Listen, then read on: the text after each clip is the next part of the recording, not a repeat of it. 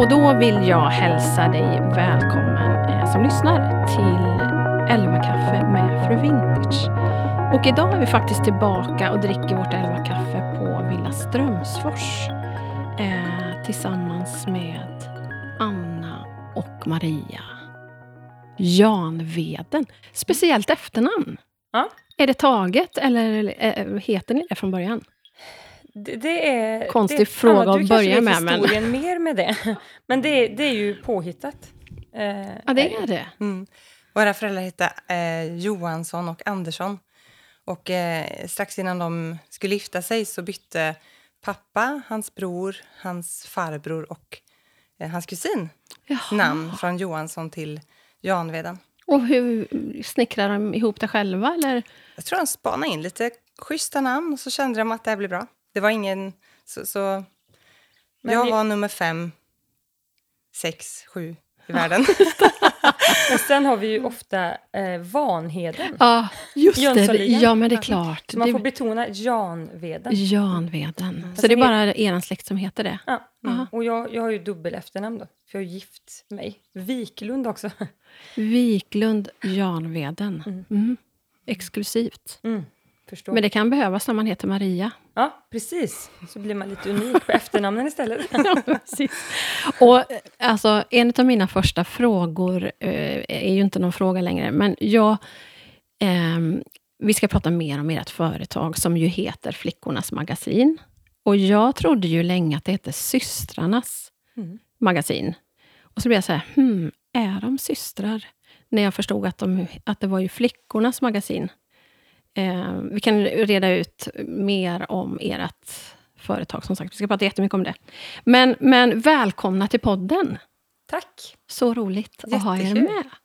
Jag brukar ju börja med frågan, eh, hur har morgonen börjat? Och det blir ju en väldigt speciell morgon för er. Mm. Berätta vad ni har gjort idag. Vi har vaknat upp i en otroligt skön säng med jättevackra sängkläder. Eller hur? Mm. Mm. Ett underbart utsikt. rum. Underbar utsikt här på Villa Strömsfors. Första gången vi är här. Och sen har vi ju haft en frukost och vad kallar vi det här?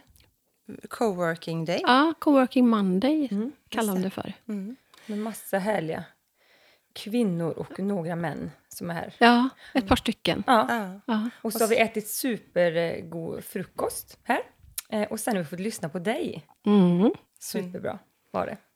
Nu känner ju inte vi varandra så jätteväl, så Nej. nu vet vi Nu väldigt vet ni lite mycket mer om dina mig. hönor. Ja, men och- Om man vill komma hem till din gård sen. Ja. Ja, Ja, välkomna. ja, Jag så välkomna. Först ska jag hälsa på er imorgon. ja Ja. absolut. Men det är en annan story. Men, men eh, eh, om vi då bara håller oss kring morgonen så var ju eh, liksom rubriken på mitt frukostföredrag att följa sitt hjärta.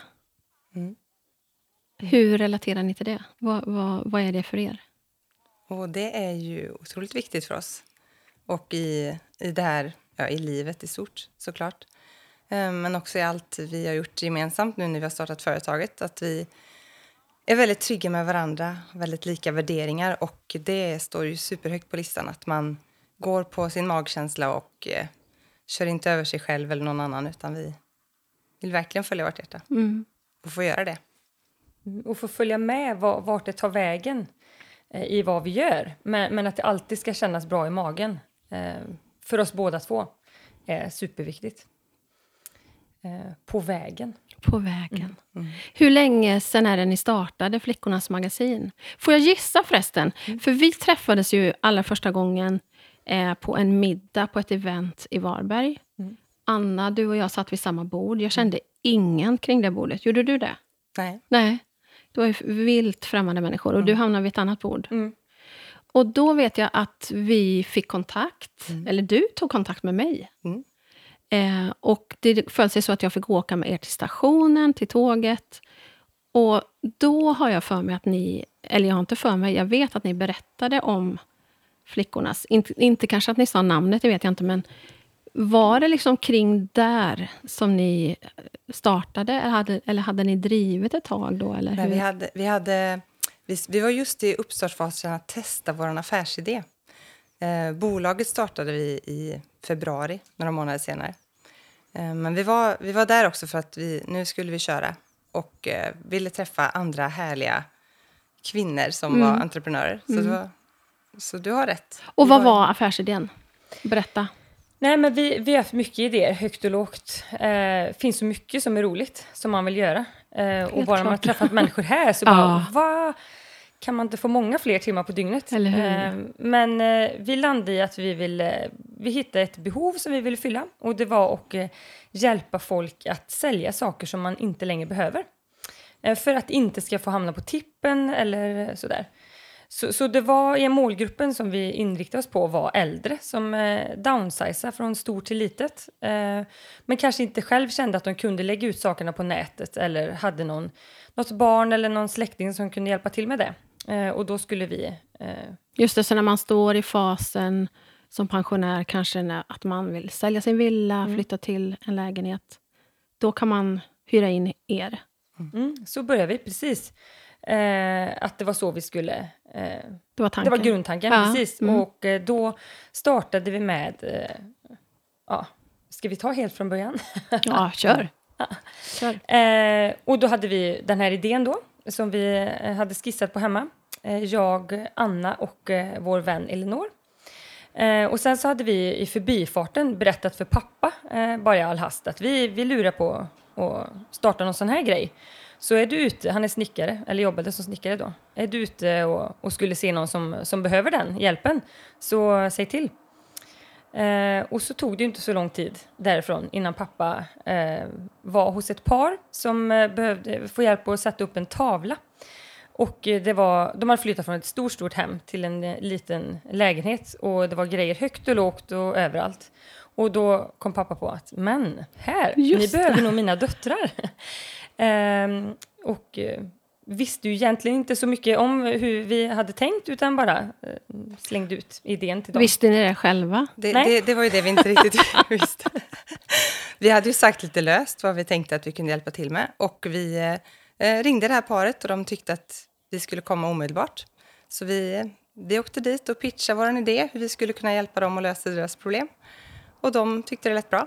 Så veckan efter så kom vi med en, eh, en bil, lastbil som vi fyllde med massa lådor och saker. Och eh, jag tror det var en timme efter vi hade hämtat sakerna så fick vi tillgång till ett förråd som vi hade lyckats hyra i sista stund. och då, då följde sig så att där nere i källaren eh, där förrådet var så var det en ganska fin tegelvägg. Eh, och det var helt okej ljus att fota där. Så vi fotade allt i en, på en lastkaj med bland, ja, kanske lite sopor och lite Precis, sånt runt det, omkring. det var ju också, det var också viktigt. Eh, för, för när vi skulle börja sälja på nätet så eh, på olika sidor, eh, de här eh, sakerna då, så, så tänkte vi att vi, vi vill skilja ut oss på något sätt. Så att fotona ska vi ändå lägga tid på när vi fotar en produkt Ja, just det. för att få bra eh, sälj i det. Eh, och då som Anna sa hittade vi den här tegelväggen där nere eh, som på något konstigt sätt hade man fick bra ljus på. Så där började vi fota. Vi jobbade i den här lite skumma källarlokalen som folk nästan blir lite rädda när de ska komma ner och hämta sina saker som de har köpt för man fick liksom gå ner där i den här katakomberna. Och hur sålde ni det sen då? Vi sålde Alltså i olika... början menar jag. Hur Det- liksom fick för, ni ut? För det är också det att Flickornas magasin heter vi på Instagram. Det är inte det vårt bolag heter. Nej. Och vi, har, vi såg oss ju då mest som ett tjänsteföretag som gör den här tjänsten. Så att vi, vi sålde saker på olika nätställen helt enkelt. Ah, Just det. Eh, och eh, hjälpte till att leverera ut varor. Så att, Ehm, jag tror att det tog ett halvår. I maj... Nej, ett halvår. Ja, I maj i alla fall. Då, då kände vi att det var för trångt där och vi skaffade en ny lokal. Det var väl då det började ändra lite på sig och bli mer Flickornas magasin. Då. Och, och det som är grejen då att vi, vi säljer på kommission när vi gör sådana uppdrag. Så vi köper ju inte in produkterna i butiken utan vi, vi får in sakerna och så mm, säljer vi på kommissionssystem, deras eh, saker då. Eh, och sen var det när vi flyttade till en lite större lokal eh, där vi faktiskt fortfarande är kvar eh, så var det som en industrilokal som som vi bara började ställa upp lite laghyllor och så. För när, när någon kom och hade köpt en, en grej så blev de nyfikna, vad hade vi mer där? Ja. Mm. Eh, och då hade vi ju det i lådor och uppstrukturerat per kund och ja, ordning och reda. Men då började vi ju väcka tanken, ja, men vi kanske ändå ska, ska vi göra lite så här industri, att vi bara ställer upp hyllor då och så, så kan man se sakerna när man kommer så kanske man hittar något mer man vill ha. Eh, så så började vi ju resan på, på magasinet där nere. Men sen så tog det som... Eh, vi startade vårt Instagramkonto eh, också där och då och började fota och lägga upp produkterna på Instagram. Eh, och sen så blev det till slut att det blev som ett magasin som vi började att styla mer som en butik eller som ett showroom. Eh, mer och mer åt det hållet. Till, till slut, nu- det låter som det var lång tid, men det Nej. var kanske... Det, det var kanske... Vi märkte att det började komma följare ganska fort. Vi gjorde inte mycket inlägg alls, men, men så efter sommaren där, några månader, så började vi få mycket följare och folk ville komma till oss, kände vi. Så då, då började jag och Mia känna att vi skämdes lite för att det var så stök, rörigt där. Det var ju bara hopplock. Och vi hade inte velat starta en butik. Eh, men då bestämde vi att i oktober så ska vi göra det här lite snyggare. Så då började vi, eh, stängde vi ner några veckor och måla om och gjorde ordning. Och, eh, jag och Mia och Elinor, vi kämpade hårt där. Eh, och sen hade vi en liten nystart i oktober. Och då, då tänkte vi nu är det vintagebutik. Nu, nu tar vi in snyggare saker och är, handplockar det, är, vi på, är vi i oktober förra året? Eller hur länge sedan? är det? 2020. 2020. Vi började ju när pandemin började. Just det, ja. Så att det var... Och, där, och eftersom tjänst, tjänsteföretaget, vi sålde ju fortfarande allt möjligt, högt och lågt. Eh, så vi hade ett stort lager. Så där eh, hade vi väldigt mycket saker. Men det som då hamnade i magasinet, det blev mer och mer handplockat. Utvalt av oss för att få en känsla eh, där nere. Eh, så det var inte allt som hamnade där. Eh, utan vi sålde mycket på, på olika nätsidor eh, som också hämtades från vårt eh, lager där eh, och då. Men, men det som också var viktigt från början när det ble, började bli en butik var att vi absolut inte skulle stå i en butik eh, med butikstider.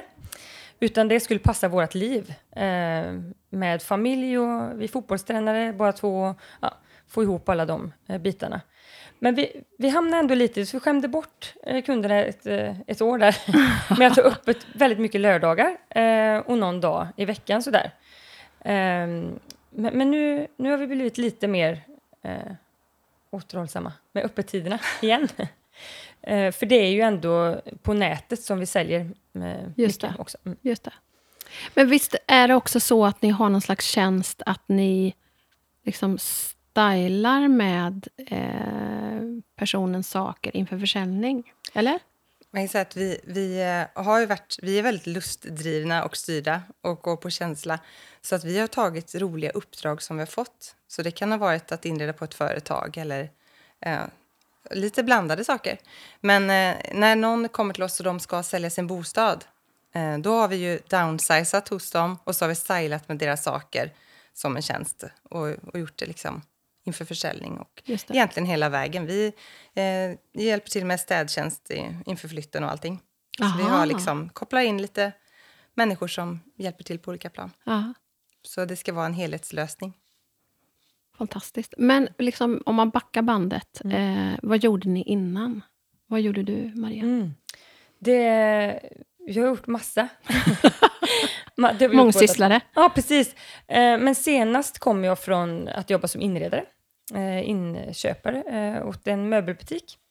Där jag Mhm. jobbar som stylist och, och så. Och sen är jag även blomsterdekoratör, så jag jobbar i Göteborg på butik där. Och, bland, och sen så fick jag ju barn emellan där också. Hur gamla är de? De är 13, 11 och eh, 8. Eh, och valde att vara hemma mycket med dem eh, i början eh, och jobbade lite extra här och var eh, för att kunna vara hemma eh, länge Mm. eh, med dem. Ja. Det är ett brett spektra från fiskindustri till, till eh, hudvård och skönhet. Och hår. På vilket sätt då? Nej, men det, det var du vet, för länge sedan när det var svårt att få jobb i Sverige. På 90-talet så åkte jag och min bästis och rensade fisk i Norge på ett par ställen. Aha, just det. Ja. Det hade jag också kompisar som gjorde. Ja. Man tjänar ganska bra. Oj, man tjänade Oj. bra och man fick eh, OB-tillägg och man fick bjuden på mat. Och, nej, det var rena lyxlivet här på Norges västkust. Luktar Men- fisk hela tiden. ja, väldigt bra. Vi är ju bonddöttrar. Ni är Så är ju-. Vad innebär det? Berätta. Nej, du ska berätta färdigt först Ja. vad, du, vad, vad du gjorde. Nej, men jag har jobbat med, med försä- försäljning egentligen hela livet på olika företag men också egna konstellationer. Så precis innan vi började med detta så hade jag jobbat eh, med franchise och hjälpt till med rekrytering av franchisetagare och även med eh, koncept till viss del. Och Men hur föddes liksom själva idén? Var det att ni satt vid köksbordet? Eller, eller var, var kom det ifrån? Jag tror vi, vi har ju ett... Ja, vi har ju ett intresse av företagande och är väldigt nyfikna och har frågat mycket, intresserade och tänkt mycket på olika affärsidéer. Och så vår vän Elinor då, som är likadan, är lite energisk och superduktig. Eh, när vi träffades så har vi alltid pratat om olika saker man skulle kunna göra och se möjligheter i. Och så var det i ett läge där jag hade slutat jobba eh, för att jag behövde vara hemma mer, eh, reste för mycket. Så jag hade inget att göra helt plötsligt. Och då eh, på augusti, augusti där 2019 så sa jag till Mia och Elinor att nu får ni komma hem till mig på fredagsfrukost. Jag fixar frukost för de hade så stressade liv. Så vi åt frukost en timma eh, och bollade idéer. Det var, det var Högt och högt och lågt. Det var... Ja, vi kanske inte ska säga dem, för vi har ju fortfarande flera grejer vi, ska, vi inte har genomfört än. Ja, men men det, det var liksom mycket. Och då var det ju det här klassiska, find a need and fill it. Vad, vilket behov kan vi fylla och vilket vill vi fylla? Vad ligger i tiden?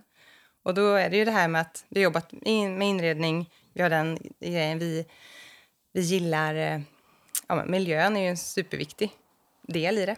eh, Och att kunna göra någonting som passar. Så vi brainstormade helt enkelt. Eh, Det kanske var sju, åtta frukostmöten innan vi sa till pappa att den här idén vill vi testa. Och han hittade de här första. Då. Och det är ju faktiskt också en rolig historia hur det blev Flickornas magasin. Ja, För det var ju tack vare att pappa då blev inropad av en man och skulle hänga upp en tavla på en vägg. Och vi får komma dit och berätta om vår idé. Och det här paret eh, i 80-årsåldern tyckte det var fantastisk hjälp och berättade för alla sina vänner på sociala tillställningar. De var väldigt sociala. Så det började ringa fler och fler i den åldern till oss som vill ha hjälp. Ah, Så det har liksom spridit sig mun till mun från början. Så när vi väl när vi hade testat det här och kände att det här kommer ju hålla. Ehm, men vad skulle vi heta när vi skulle starta bolaget? Och då hade de aldrig riktigt koll på vem som var Anna och Maria och vem som var Elinor. Så de kallade oss till alla sina vänner för flickorna. De där flickorna, vet du. just det, flickorna. Bondflickorna som är Ja, starka. men och, just det. så, så det var de som sa flickorna. Så därför så döpte vi bolaget till Flickornas. Ja. Ehm, och sen när vi skaffade nya lokalen då, i källaren så blev det som ett magasin. Så det, det var inte så genomtänkt, det bara blev. Men väldigt självklart ju. Precis, och det är så det kommer att få vara också. Att vi går på rulle, vi liksom hänger med dit det bär. I hur vi kommer att utveckla det också. Mm. Spännande saker som kommer hända framöver. Men vi får ta en podd längre fram. Så får ni berätta Precis. vad som hände och hur det gick med allting.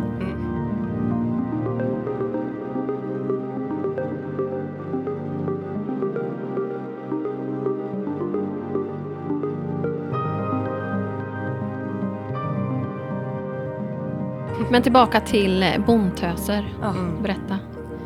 Vi är uppväxta eh, på en stor bondgård. Eh, och eh, där... Har vi sagt förresten vart ni bor? Det vet Nej. jag inte. Vi gör det vi nu bor då. i vackra Vänersborg. Ja, Vänersborg. Värnens eh, spets där. Har man inte varit där så det är en väldigt fin Och det har ju inte jag, men jag ska ju få åka till er. Lilla. Paris Ja. är väl stad. kallad. Lucky you. Ja, lucky me. Och nu är det körsbärsblom på torget. Mm. Var det Kungs... Eh, Oj. Holmen, höll jag. Kungsträdgården slängde. Kungsträdgården. Nej, det börjar med två korvkiosker och sen är det körsbärsträd i. Ah, wow. Nej, vi, vi är ursprungligen från, eh, från Dalsland, från Mellerud. Eh, men bor eh, nu i Vänersborg. Men var det liksom en eh, bondgård med djur? och liksom, Mm. Var det någonting som man levde på, så att säga? Era föräldrar? Vi, ja, vi har växt upp på, det var två bondgårdar. Vi har växt upp eh, med våra kusiner. Så Mhm. det, drevs, det drevs bonderi för fullt. Eh, jag var ju rädd för alla djur. Eh, och eh, inte någon bra bonddotter så, men, men det som är det är ett eh, väldigt eh, entreprenörskap i att vara bonde. Man gör allt. Man jobbar tills det är klart. Och då, mm, jag tror vi har det, Det i oss. Det är ett sätt att Ah. leva. Att man... eh, Så det där att man, nu jobbar jag och så går jag hem. Det, det har vi ju aldrig varit eh, uppväxta med. Nej, just det. Utan man, man jobbar som sagt tills det är klart. Och det behöver inte vara så tydliga linjer mellan när jobbar jag och när är jag ledig. För man kan ju faktiskt fläta in det eh, på ett bra sätt också. Eh, så det passar familjen eller Mm. sådär. Mm. Vi har ju haft ett väldigt idylliskt liv som barn. Egentligen att föräldrarna har funnits där. Och, eh, de har jobbat mycket, men man har alltid liksom, eh, kunnat smita emellan med någonting. Och så. Jobbade båda föräldrarna med jordbruket? Eh, mamma var ju supermamma. Hon var hemma till jag som är yngst då var 11 år. började hon jobba eh, hemifrån. eller på ett annat jobb. Men annars så var det ju hembakt bröd, Ja, saften gjordes själv, just all det. mat från grunden. Ja. Ja. Mm. Det var någon hemma när man kom hem från skolan. Vi kunde hänga en ko i taket som väntade på att bli middag. ja, Inte inomhus då, Nej. utan i ladugården. Ja.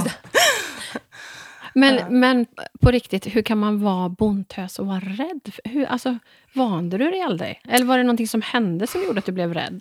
Eller vad? Ja, men, ja, jag vet inte. Jag, jag var faktiskt det. Jag Fast blev du, ju... du, du gick ju inte runt och var rädd hela utan det var väl bara att du hade inte ett genuint intresse för, som jag eh, och brorsan. N- Nu är ju du åtta och ett halvt år yngre än mig, så du minns ju inte när min vår lillebror fick följa mig till bussen för att jag inte ville gå förbi kohagen själv, för de smet ut. ja, det var så på riktigt? Ja, det var så. Jag, jag vet inte riktigt varför, men jag vet att när mm, jag var fyra år så blev min bror överfallen av två hundar på lekplatsen där vi bodde. Och det var så här jätteläskigt för mig, som aldrig blev bearbetat. Så det, jag tror att det kommer mycket därifrån, att det var den här obehagskänslan. Ja, just det. Hur gammal Men- var han då? Två år. Så han Oj. låg där och... Alltså, över, jag upplevde ju så. Mm. Hunden bara tyckte att han var söt kanske. Men, eh, men därifrån kom det nog en så här, obearbetad lite rädsla. Men har du haft djurintresset hela tiden? Eh, ja, det har inte så här längtan om att jag vill ha en kanin eller jag vill ha massa djur inomhus och sådär. Har jag inte, men jag har haft det, ja absolut var intresserad. Och jag, jag var ju absolut totalt orädd då. Jag red ju helst på korna eller ja, gick där i hagen. Skulle jag till någon kompis eller något så, så korsade jag i hagen även fast den var full i djur. Eh, sådär. Så ja, Det, det, har faktiskt, det var ett reportage i Land, Lantliv tror jag, om kattmamman Maria. När hon var typ sju år.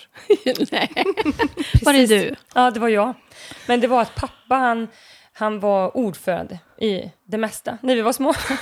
I eh, fotbollsföreningen, i Skarasemin och LRF och ja, sådär. Och det var ofta hemma tidningen hos oss, väldigt ofta. Och där sprang jag, liten, på gården med mina katter som jag tog hand om eh, överallt. Och då tyckte de väl att jag var, att det var gulligt på något sätt. Så då sa de nästa gång vi kommer så, så ska vi skriva om dig. Så då skrev de ett litet, litet Ja. reportage om kattmamman Maria på Dahlia. Precis. Mm. Har du jag- kvar det reportaget? Ja, Du har det? ja. I en röd liten täckjacka stod jag där. Med min favoritkatt som heter Snuttan. Men jag ville inte skriva att hon heter Snuttan i tidningen. Så jag hittade på att hon heter Kajsa. Och jag vet inte varför. Men jag ville liksom inte... Du ville behålla hennes Ja, integritet. precis. Snuttan var så viktig. Liten, Du vill inte hänga ut Nej, jag vill inte hänga ut henne. Så jag bara, nej hon får heta Kajsa. Och det ångrade jag sen. Ja, Ja, men nu, nu, nu fick snuttan upprättelse. ja precis. Nu fick Ja, precis. Nu fick Ja, hon en det. vit katt med en svart prick på näsan. Ah. Så när vi, vi var, man var ju ofta hemma som eh, bondgård. Sådär. Men det var i fjällen eller när vi var på sommarsemester så var det första jag sprang ut i ladugården och kollade så snuttan var kvar. Eh, För det Ah. fanns ju en del djur på gården så här, ibland gick de ut i skogs och aldrig mer kom tillbaka. Men, men det var min första check. Så snuttan. Att snuttan var Ja. kvar. Men en dag var hon inte det när jag kom hem på fjällen. men så var livet på landet. Ja.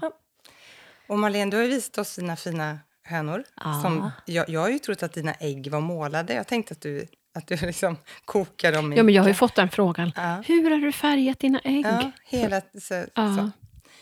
Men, eh, men De är inte färgade. nej, de är inte det. Nej. Men då tänker jag att jag tyckte en sak var rolig när jag var liten, när vi var hos vår älskade farmor och farfar i Bollebygd.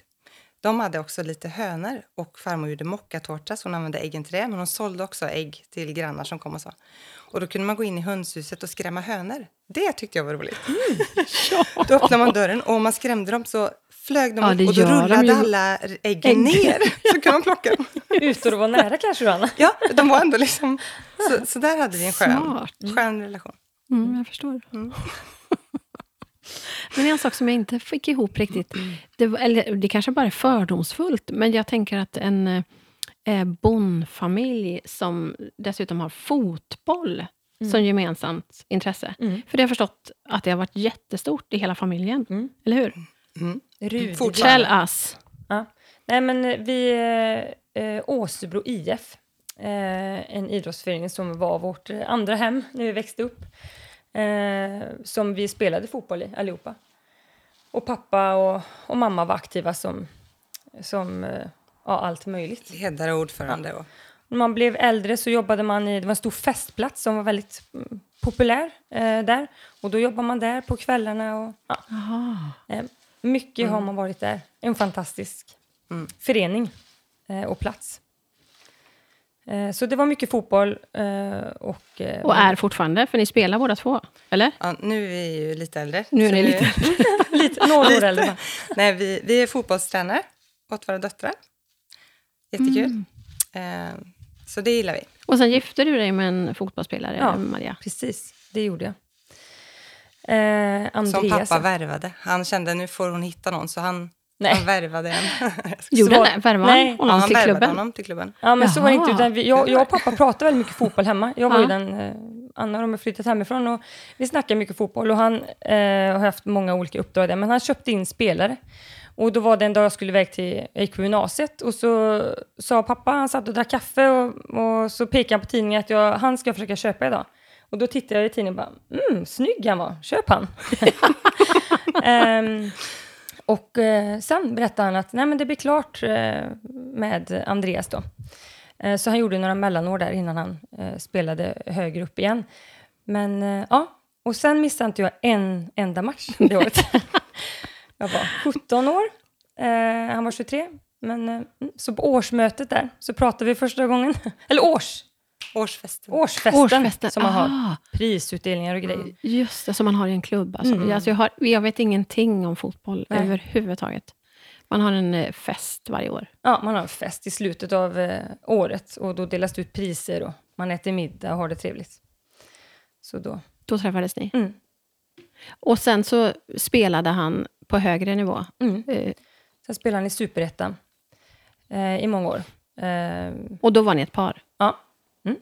Och då jobbade jag i Göteborg eh, på Blomrum, en butik eh, med blommor. Och eh, han reste ju mycket i fotbollen och, och då bodde ju du i Göteborg, Anna. Mm. Precis. Och, så då var jag där hos er med Alvin som hade fötts. Och, Men hur gammal var du när ni blev ett par? Hur lång tid tog det från det att han, din pappa köpte din man till dig? Oh. Nej, men jag, var ju, jag fyllde 18 när vi blev eh, eh, ihop. Ett år tog det. Ja. Så det var inte så lång tid. Nej. Kul! Vilken rolig anekdot. Mm. Hörrni, jag vet ju att ni också brinner för det här med eh, nätverkande. Mm. Eller hur? Mm. Det är roligt. Ja, berätta lite om det.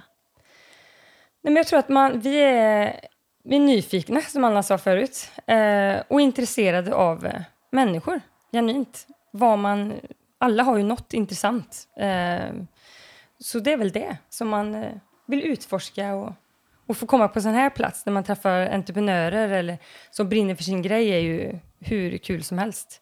Och det var ju så roligt i morse, Anna, när du, nu vet jag inte vem du satt bredvid, och som du visste en massa saker om, var på en annan säger, men hur kan du veta det? Ni har aldrig träffats. Och då svarade du, ja, men jag ju nätverkat nu före frukosten. Visst, jag och Anna stod ju med dem i frukostkön så vi kunde hela grejen. Ja, ja, Det var ja. så roligt. Ja men det, det är kul. Jag, För det är ju ingenting som alla gillar. nej, en del tycker det är jättefruktansvärt. Verkligen. Men det, det tror jag är... Det, det älskar vi. Lära känna nya människor. Och det är så kul, för alla har ju, man lär- kan ju lära sig någonting av, alla människor. Verkligen. Ehm, och eh, ja, men det, det är en stor grej. Och jag tror, tror just det här med att lära sig nya saker, om man ska prata drivkrafter, så är vi väldigt orädda för att göra nya saker.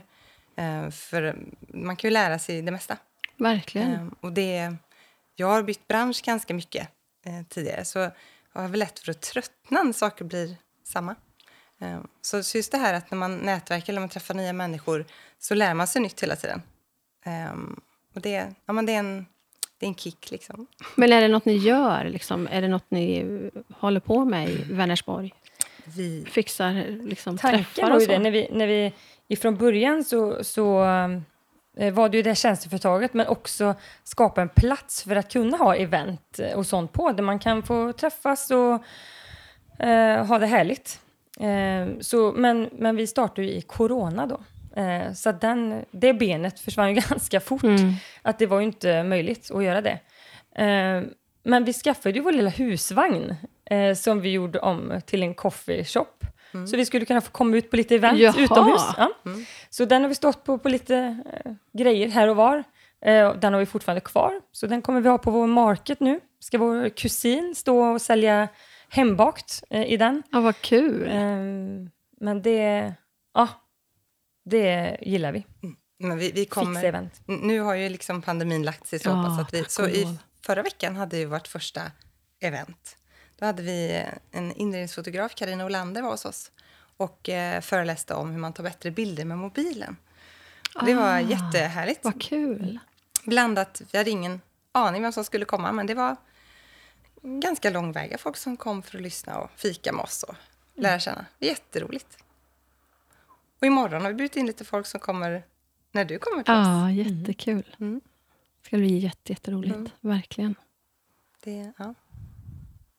Men ni berättade ju vid något tillfälle att, för mig att ehm, ni faktiskt har inspirerat andra att våga ta tag i sina drömmar. Ja. För att de har träffat er. Det får vi höra då och då. Att, eh, ja, men dels har någon faktiskt kommit till oss och sagt hej, jag vill starta någonting som är ungefär som ert. Kan ni berätta lite?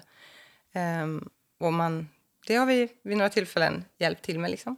Det är jättekul. Men sen har det också varit andra som, som en faktiskt förra veckan på den här fotokursen kom och sa att nu startar jag mitt företag. Och det är för att jag har inspirerats av er. Det är ni som kul. fått mig att våga. Um, alltså det har hänt flera gånger att någon har sagt att de har tagit steget och tagit någon utbildning eller så.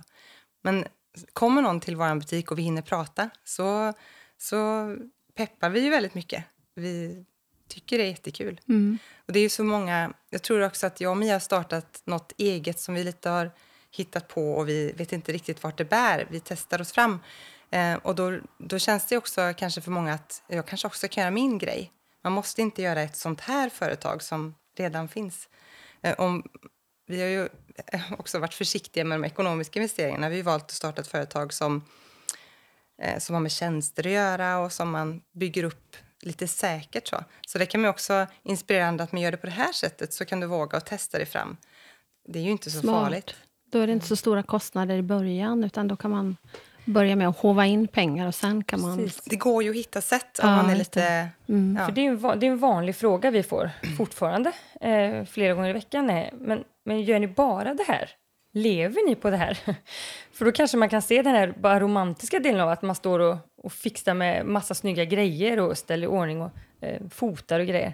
Men, men det gör vi ju. Och, och det, det var viktigt för oss från början att, eh, att eh, göra det här men också hitta en lönsam väg i att eh, när vi arbetar eh, med det.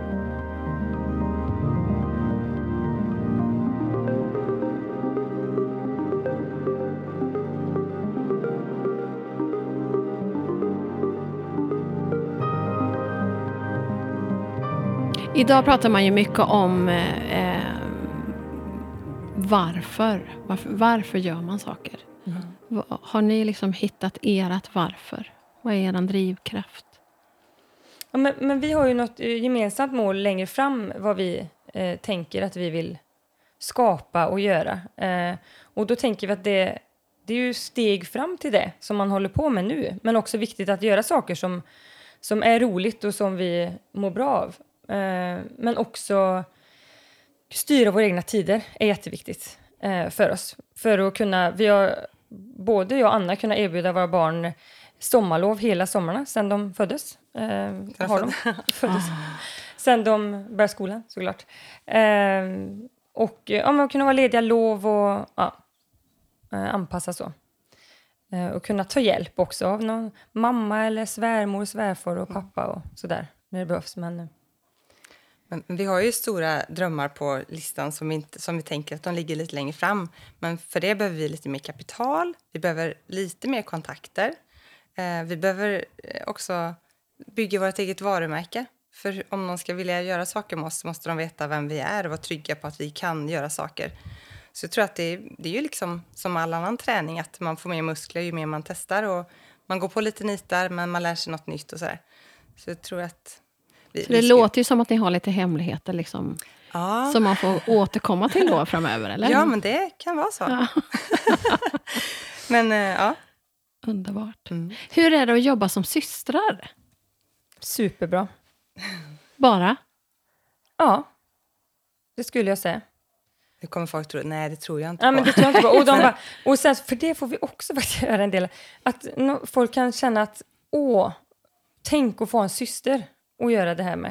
Eh, eller göra någonting med. Och det är faktiskt eh, helt fantastiskt eh, att få ha det. Eh, det är klart att vi, vi är två individer så vi tycker ju inte 100% lika alltid. Men vi, vi möts eh, i det och så hittar vi någon gemensam väg. Ja, just det. Eh, men vi blir liksom inte arga på varandra eller vi på det sättet är faktiskt eh, sant. Jag, jag, är ju åtta år äldre än Mia, så vi har ju inte haft något så här, vi har ingen barndomsgroll. Alltså vi har nej, liksom, det, vi har ingen alltid, konkurrens nej, Jag har alltid varit stora syster och, och men det har inte varit någon konkurrens.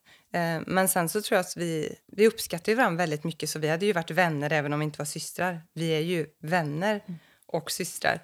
Men eh, så jag tror det är det mycket. Mm. Och sen så gör vi, vi är bra på väldigt, eh, vi är bra på, på samma saker. Och sen så har vi våra spetskompetenser också. Och det är ju också när man företagar så är det viktigt att så här, framhäva vad är Anna bäst på? Då är det det hon lägger tid på och så vad jag bäst på. Så att man inte försöker vara lika bra på allting heller, mm. utan vi ser oss som ett team som gör det tillsammans eh, i vad vi än gör där. Mm. Eh, och det tror jag är jätteviktigt när man ska... Vad skulle ni säga till den som sitter och lyssnar nu som, som liksom håller på och väger fram och tillbaka? Ska jag, ska jag inte? Eh, dels oh. att våga ta steget att starta ett företag.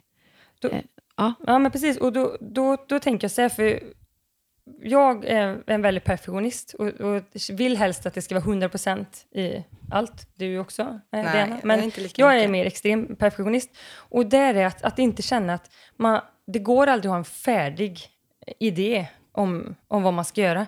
Utan kör igång och låt det liksom formas på vägen. Och sen så får man släppa saker ibland när det är 80% eh, bra. Eh, för det kan inte bli 100% hela tiden. Eh, och så gå på magkänsla. Eh, och våga eh, också. Eh, och tro på det man gör. Och jag tror, vi, vi, har, vi har ju befunnit oss i företagarmiljöer och eh, eh träffat många, så de, det är klart, då lär man sig ju kring det. Men det är också lyssnat mycket på poddar. Eh, under några, några år när jag inte visste alls vad jag skulle göra så lyssnade jag mycket på poddar. Och får, då får man inspiration av andra entreprenörer, hör hur de tänker. Man kan lära sig supermycket, även om det inte är samma bransch. Eh, och sen också våga fråga människor. Hur har du gjort? För det är ju så att vi älskar att känna oss behövda människor. Det är ju en fantastisk gåva att få vara behövd av någon annan. Mm. Sen är det inte alla som vill berätta exakt sina affärshemligheter. Det är klart att vi säger inte här får du hela schemat, så här ska du göra. Så är det inte. Men fråga människor som man, ja, man ser upp till. Ja, det, det rådet fick jag för många år sedan. Att ta bara råd av människor som du ser upp till. Det är ett väldigt bra råd. Mm. Att man faktiskt, eh, byt, ja, som man vill byta plats med. För ibland kanske man lyssnar på någon som man känner att jag vill egentligen inte ha hela den personens liv. Nej, det jag ser, men man tror att den är framgångsrik. Men att man känner att den här personen litar jag på skulle jag vilja ta råd av. Det tror jag är bra. Och sen också att man, man startar eh, med att inte skaffa sig för mycket eh, ekonomiska att man får kniven mot strupen, att man sätter sig i dyra lokaler, man kanske först ska, skaffar sig en bil som man stripar upp med sitt företagsnamn och man skaffar det ena och det andra. Och sen drar man igång och börjar jobba. Vi har valt att jobba först och leka sen. eh, så, så, vi kör fortfarande runt i vårt, vårt släp fast vi, vi ska snart eh, ska bara ha tid att hitta en lastbil. Och, ja. Men hela den biten. Eh, så att man kan vara fri i det och inte känna att hjälp, jag måste ju ha in pengar nu. Ja, eller jag måste... För då bildar man en stress som, som blir negativ. Verkligen, det är jätteviktigt. Mm.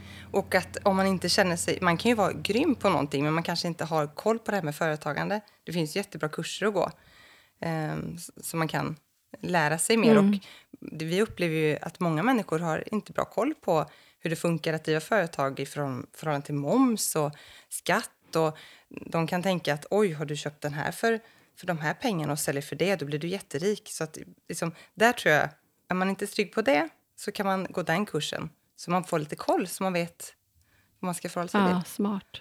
Mm, Så det Finns, finns det något sådär som ni... Alltså hade vi startat idag så hade vi inte gjort det där. Eh,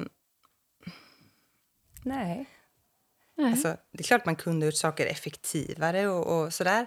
Men, Alltså, jag eh, tror men jag att tycker vi att hade vi... aldrig kommit dit vi är idag om vi inte hade gått den här vägen heller. Nej. Eller provat oss fram, för det är ju det som har gjort att man är där man är idag också.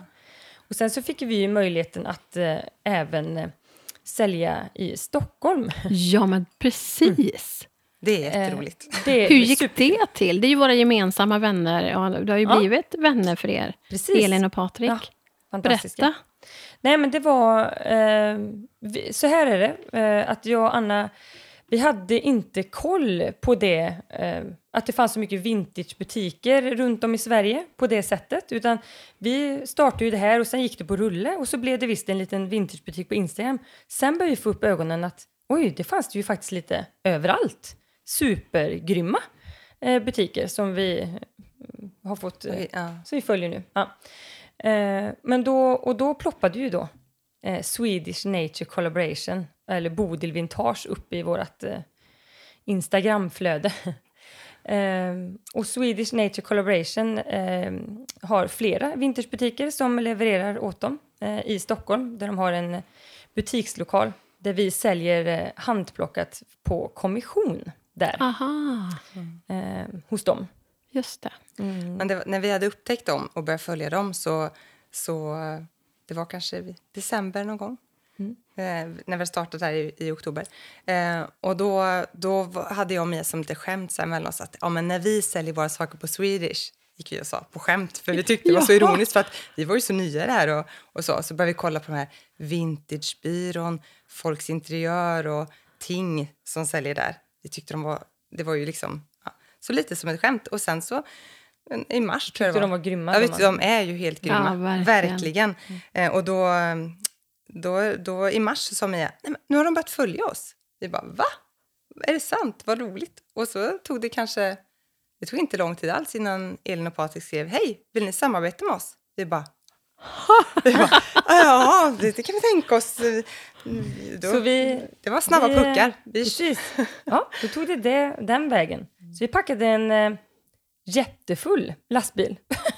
Första eh, turen till Stockholm. Eh, ett år sedan nu. ja.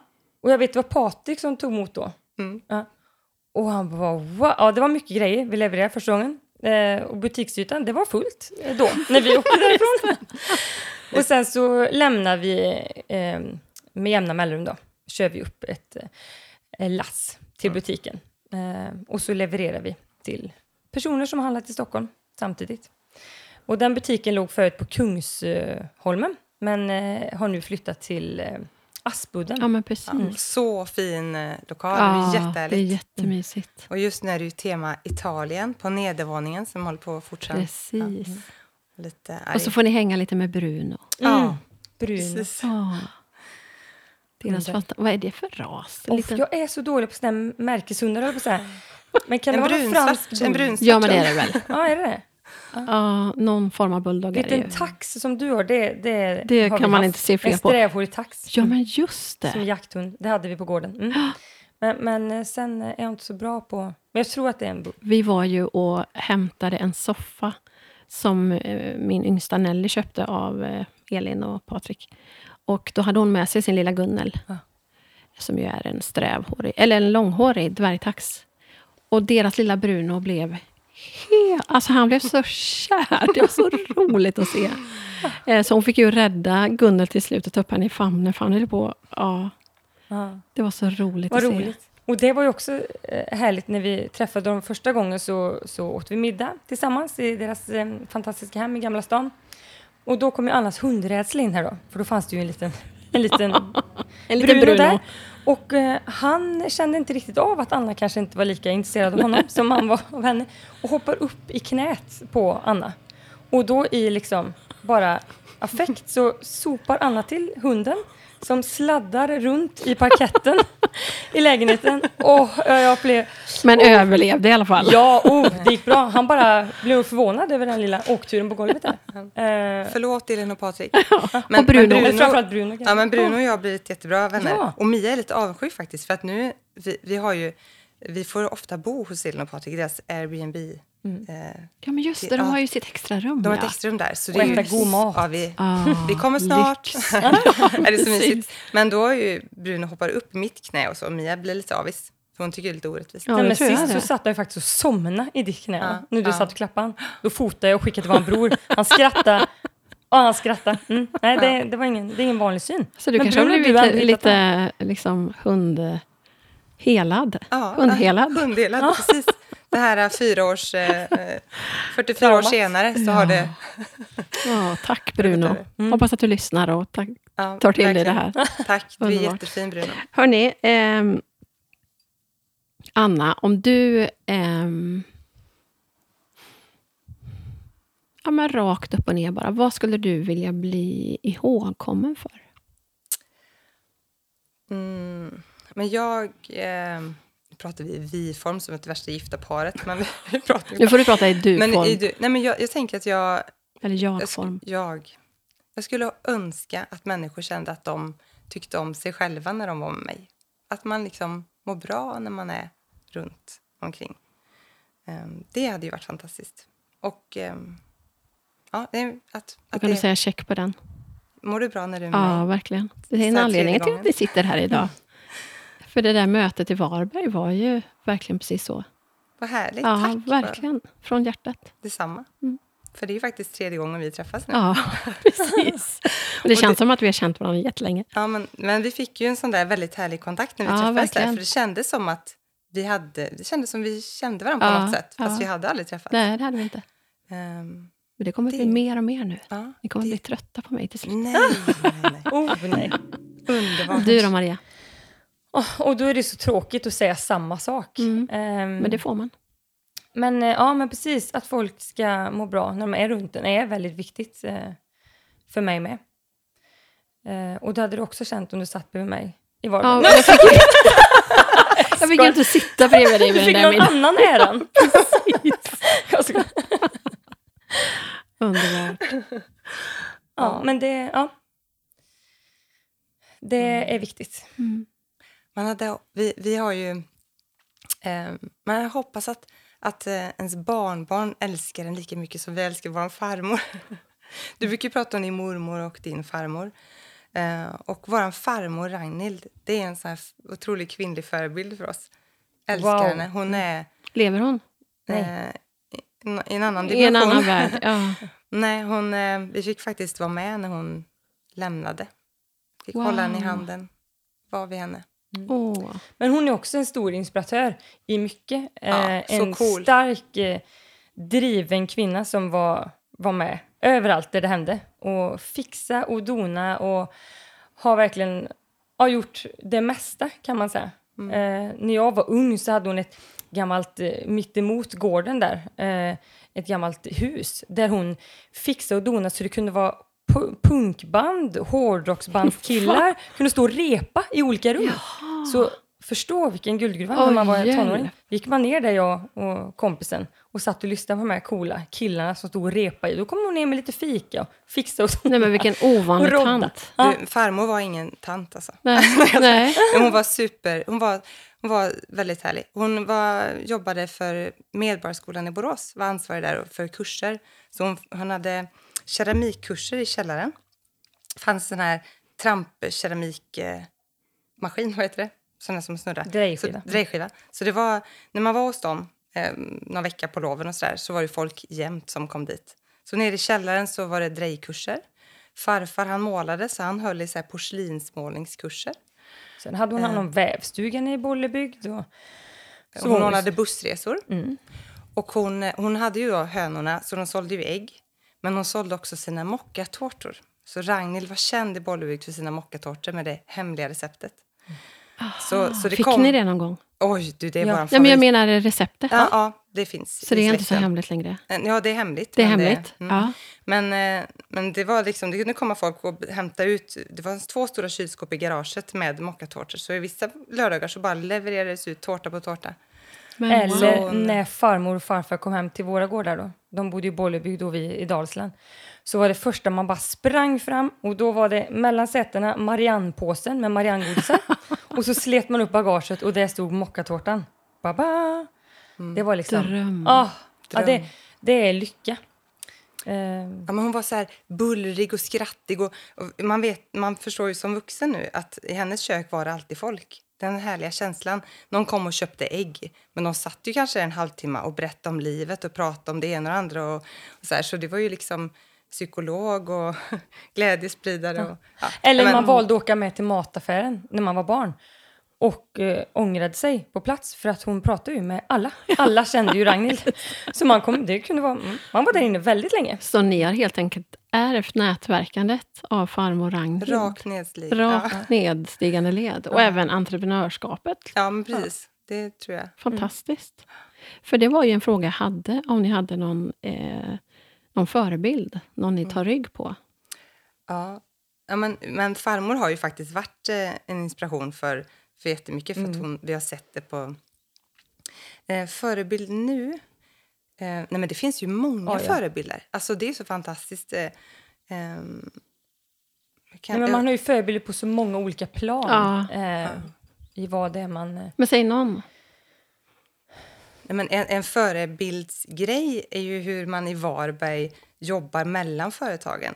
Att de uppmuntrar varandra. Att liksom eh, Krist, Krickelin och Vintersbyrån och alla de på Brukstorget höjer varann och Anna Linton och Strömma, det, Marina på Strömma. Alltså det här att, att våga tänka att om jag lyfter dig så sänker inte det mig. Nej, utan om jag lyfter dig så, så mår du alltså Ja, det, så det är så här win-win-grejen. Verkligen. Det tror jag är att våga eh, tro att om man lyfter andra så mår man bra själv. Och Så, ja. Det är det ni gör nu i Vänersborg. Det, det, det är mål att vi ska kunna göra det. Det vore ju Mm. väldigt härligt. Man vill ju att, det- att det ska gå bra för andra. Mm. och Vänersborg är ju en vacker stad som finns massa att göra. Massa potential. Ja. Som till exempel Varberg, Sälj in eh, Vänersborg Nej, Som sagt, jag har ju oh. aldrig varit där, men imorgon så får jag åka dit och Ja. hälsa på er. Precis. Eh, nej men det är ju jättehärligt med att det är en stadskärna som är väldigt mysig. Eh, och sen så kan man ju gå till Skräckland då, eh, som ligger vid Vänerns kant. Där det finns badplatser och man kan bänkar, man sitter och spanar ut över vattnet. Och, ja, det är en härlig miljö. Eh, Café. café. Hängmattor brukar det hänga mellan träden där. Mm. Och- det Mm. har ju funnits ett, ett kallbadhus i Vänersborg Mhm. eh, långt bak i tiden. Eh, vilket vi känner att det måste du göra igen. Eller hur? Ah, Det får ni ju fixa. ah, precis, det också. Det också. Nej, men det är en väldigt vacker, alltså det är vacker miljö. Eh, liten småstad med Mm. ja, mycket potential. Ja. Sen så är ju Vänersborg eh, ligger väldigt nära Trollhättan och Uddevalla och Lysekil. Det tar 40 minuter till Göteborg med tåget. Alltså, så man bor ju i en liten småstad, men man har ju ändå eh, nära till mycket saker. Mm. Så att det, vi gillar det. Underbart. Så vi avslutar helt enkelt med att hälsa våra lyssnare välkomna till Vänersborg Mm. och till Flickornas magasin. Tusen, tusen tack för att jag fick dricka elva kaffe med er idag. Och vi ska fortsätta ses nu några dagar. Det ser jag verkligen fram emot jättemycket. Det blir mysigt. Det blir mysigt. Supermysigt. Tack, Tack, så så mycket. Tack. Hej då! Hej. Hej då!